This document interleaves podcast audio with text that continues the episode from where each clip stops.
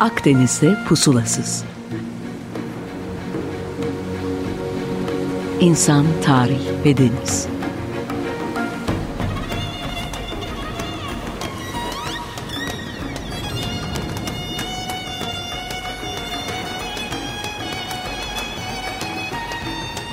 Hazırlayan ve sunan Sidar Duman 95.0 Açık Radyo'dan herkese merhaba. Ben Sidar Duman. Akdeniz'de Pusulasız'da bu 10 Mayıs'ta sizlerle tekrar beraberim. Şimdi müzelerde cam mekanların ardında gördüğümüz objeler bizlerle konuşamaz. Hikayelerini anlatamazlar. Önlerinde yazan iki satırlık bilgi de onları diğerlerinden farklı kılmaya, aramızda bir bağ kurmaya ve hafızamızda yer etmeye genelde yeterli olmaz.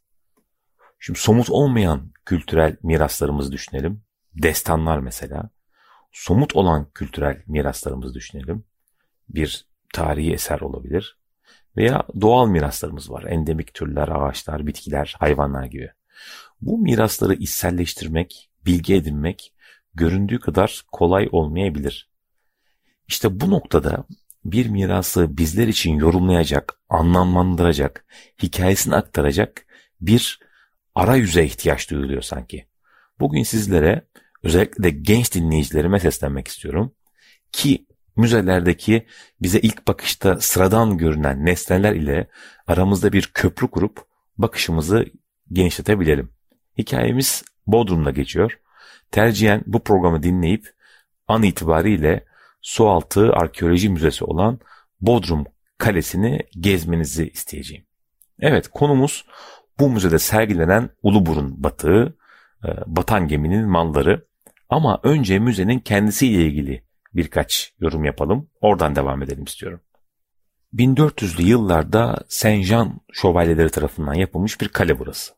16. yüzyılda Osmanlı e, Rodos ile birlikte burayı da fethediyor. Kaleyi gezerken göreceksiniz taşların arasında kalenin yapıldığı tarihten çok daha eskilere giden e, parçalar var. Hatırlayalım antik dünyanın yedi harikasından iki tanesi Türkiye'dedir. Ve bunlardan biri de Bodrum'daki anıtsal mezar olan Mozoleum. Döneminin kralının adı yüzünden böyle anılıyor ve mozole kelimesi de anıtsal mezar olarak e, bundan sonra tüm dünya dillerinde kullanılıyor eğer fark ettiyseniz. Şimdi an itibariyle bazı parçaların e, Londra'da İngiliz Müzesi'nde görülebileceğini eklememiz lazım. Ve bazıları da kalenin yapımında tekrar kullanılmış. Neyse devam edelim. Birinci Dünya Savaşı'nda Fransızlar maalesef bu kaleyi bombalıyorlar. İşte içinde bir küçük e, kiliseden dönme caminin minaresi yıkılıyor. Gördüğünüz kulelerden bazıları da yıkılıyor. Ardından İtalyanlar buraya ele geçiriyor ve garnizon olarak kullanıyorlar. Neyse ki Cumhuriyetle beraber bu kalemizi geri alabiliyoruz ve 1960'lardan biri de Sualtı Arkeoloji Müzesi olarak kullanılıyor. Şimdi onlarca batığın sergilendiği bir müze ve bugün de UNESCO Dünya Mirası'nın geçici listesinde bulunuyor. Hadi başlayalım. Biz tabii 10 tane batığın hepsinden ilgili konuşmayacağız. Fakat daha özel bir batıktan bahsedeceğiz. Öncesinde bir gemi inşa edip içine malları, insanları doldurup bir yerden bir yere götürmeye neden gerek duymuş insanlar? Onu bir düşünelim istiyorum. Yaşadığımız coğrafyada bir eksik mi var ki bu yolculuklar planlanıyor? Yoksa modayı takip etmek için sadece uzak diyarlarda bulunan bir ürünü mü sipariş vermek istiyoruz? Bu sebepleri çoğaltıp düşünebiliriz. Ama dünyanın en eski gemisinin şu an önümüzde duruyor olmasının sebebi de bronz. Milattan önce 3000'lerden itibaren e, başlayan çağda ismini veren bu metal e, madencilikle elde edilemiyor. Yani kazarak bronz bulamıyorsunuz. Bunu üretmek için %90 e, bakır, %10 kalayla karıştırılıyor ve karışımın kendisini oluşturan bu iki metalden de çok daha güçlü ve sağlam bir ürün ortaya çıkıyor. Yalnız gelin görün ki bu bakır ve kalay yan yana çıkmıyor. Yani kalay için çok uzak diyarlara gitmeniz gerekiyor. Akdeniz havzasında pek yok. Önceki bölümlerde üzerinden geçmiştik. Mesela Fenikeliler ta Britanya'ya kadar gidiyorlar kala için. Ee, yoksa düşünsenize 3300 yıl önce köşe taşları olmayan Akdeniz'de fındık kabuğu kadar bir tekneye binip o günkü e, navigasyon koşullarında binlerce mil yol kat etmek akıl kârı mı? Tabi bu riskleri alıp e, bu yolculukları tamamlayabilen tüccarlar ve onların yaşadıkları bölgeler zaman içerisinde e, çevrelerine göre çok daha yüksek refah seviyelerine ulaşıyorlar.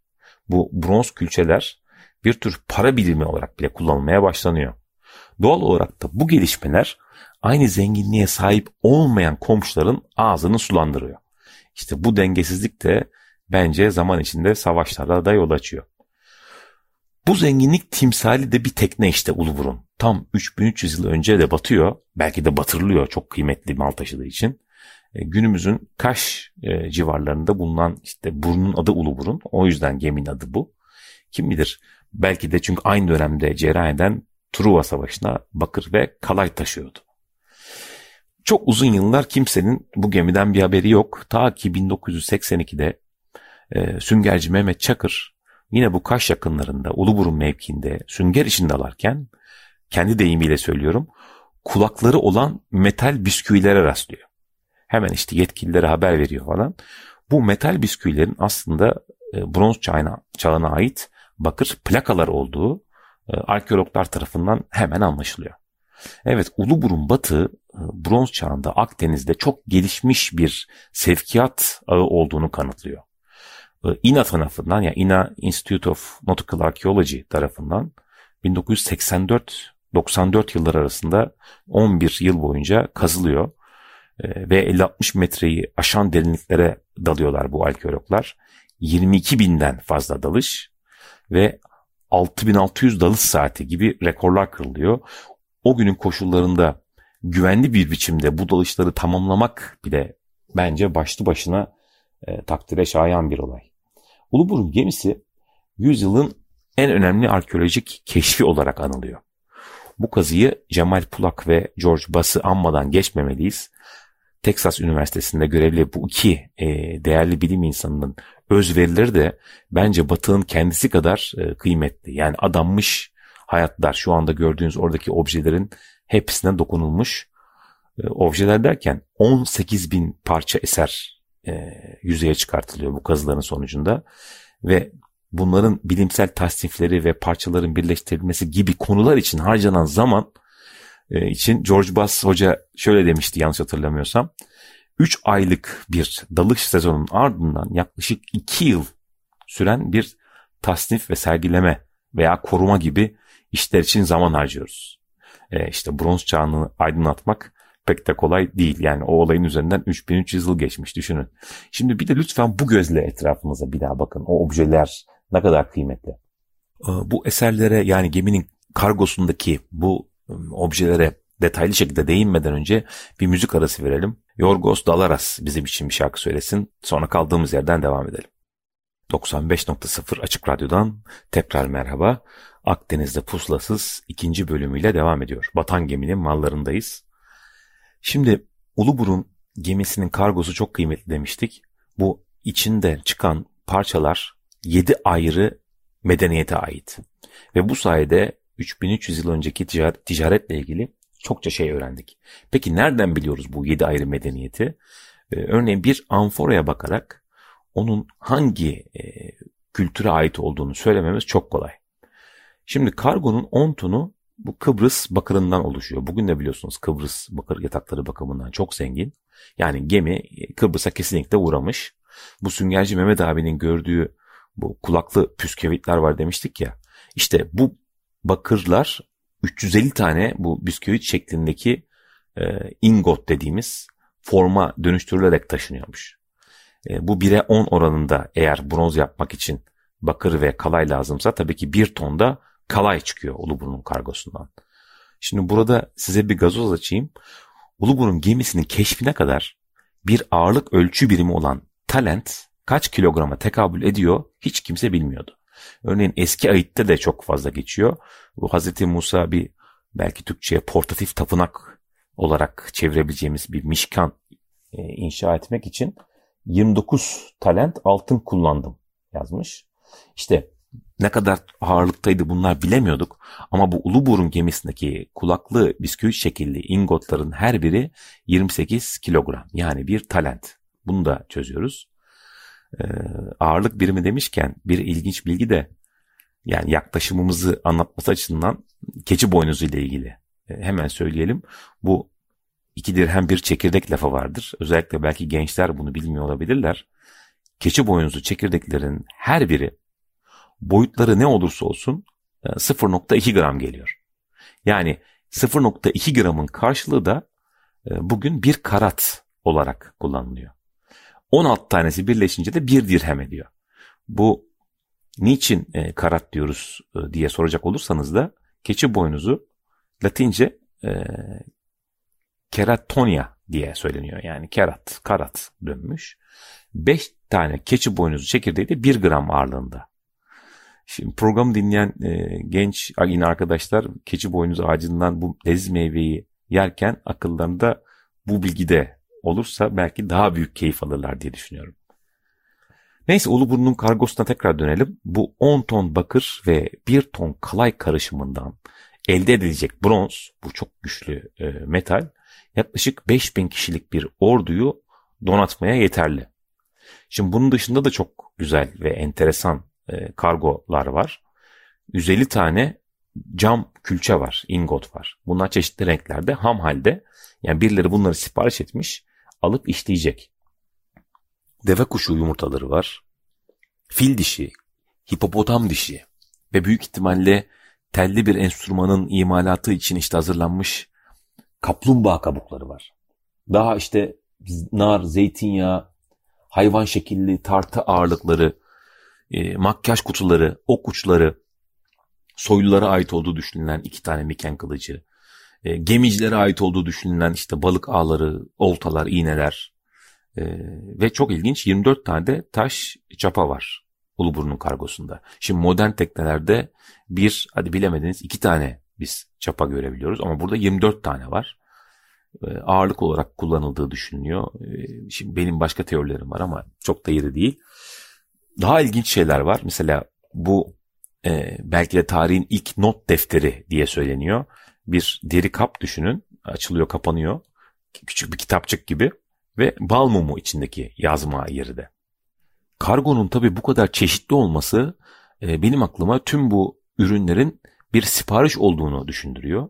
Bununla ilgili e, Amama mektupları diye bir şey var. Bronz çağında bazı kralların kendi aralarındaki yazışmaları bunlar. İsteyenler gidip e, detaylarına bakabilir.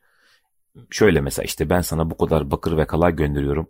Sen de bana şunları gönder. Ya da işte sedir ağacı almak için buradan Mısır'dan bir rahibimi yetkilendirdim. Lütfen ona istediği malları temin et gibi işte böyle bronz çağının enteresan yazışmaları. Özetle Akdeniz'de kıymetli ne varsa bu geminin içinde varmış sevgili dinleyici. Yani kim söylemişti hatırlamıyorum ama bugüne kıyaslayarak taşıyarak bu kargonun taksibi değerini böyle 2 milyon dolar gibi bir rakama ulaşılmış. Şimdi Uluburun batığının kargo ve gövde kanıtlarının yakından incelenmesi sayesinde Tunç çağ kültürlerine, işte gemi inşa teknolojilerine, ekonomi modellerine ve ticaret rotalarına dair devrim niteliğinde bilgiler e, elde ediliyor. Genel olarak bronz çağında Akdeniz'in bu derece birbirine bağlı olduğunu anlaşılabilmesi ancak işte Uluburun'da e, batan geminin mallarının gün yüzüne çıkartılabilmesi ile ispatlanabiliyor. Bir e, yine çerçevesi çizmek adına bu Uluburun'un denizlerde dolaştığı yıllarda Mısır'da meşhur Nefertiti'nin büstü inşa edilmekteydi. Hatta Uluburnu'nda da bu arada bir mührü bulundu dipnot olarak.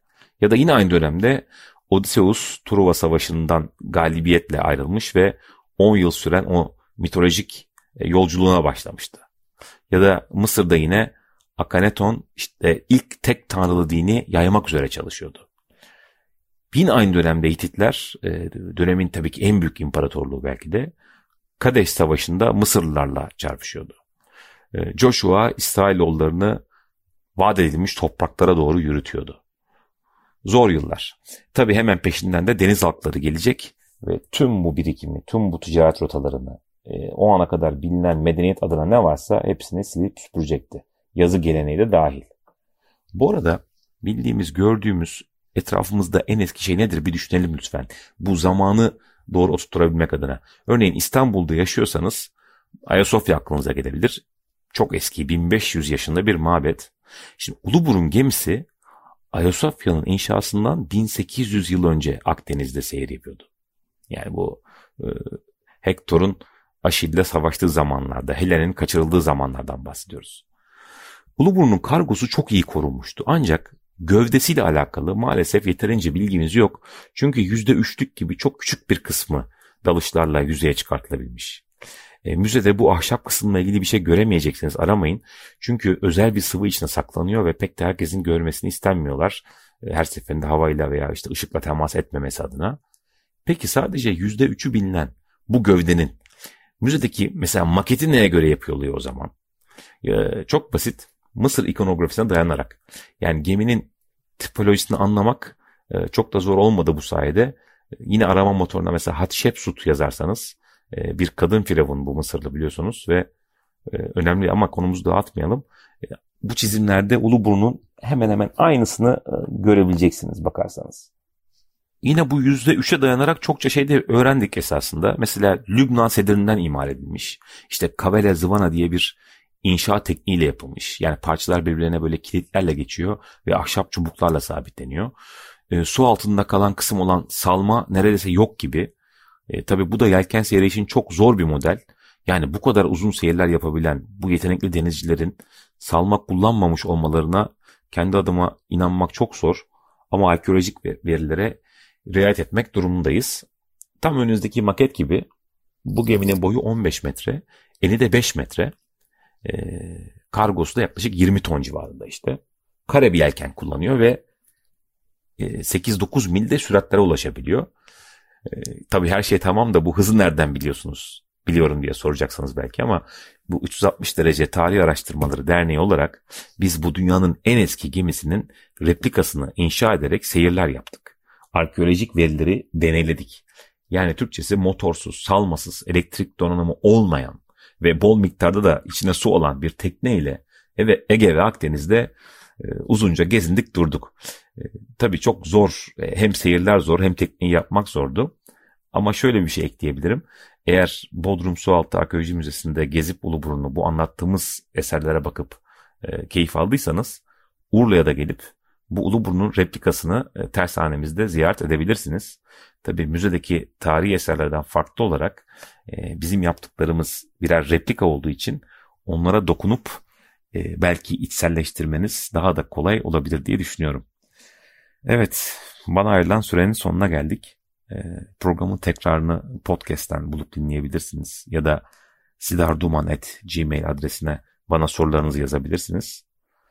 15 gün sonra tekrar burada buluşmak üzere. Hoşçakalın.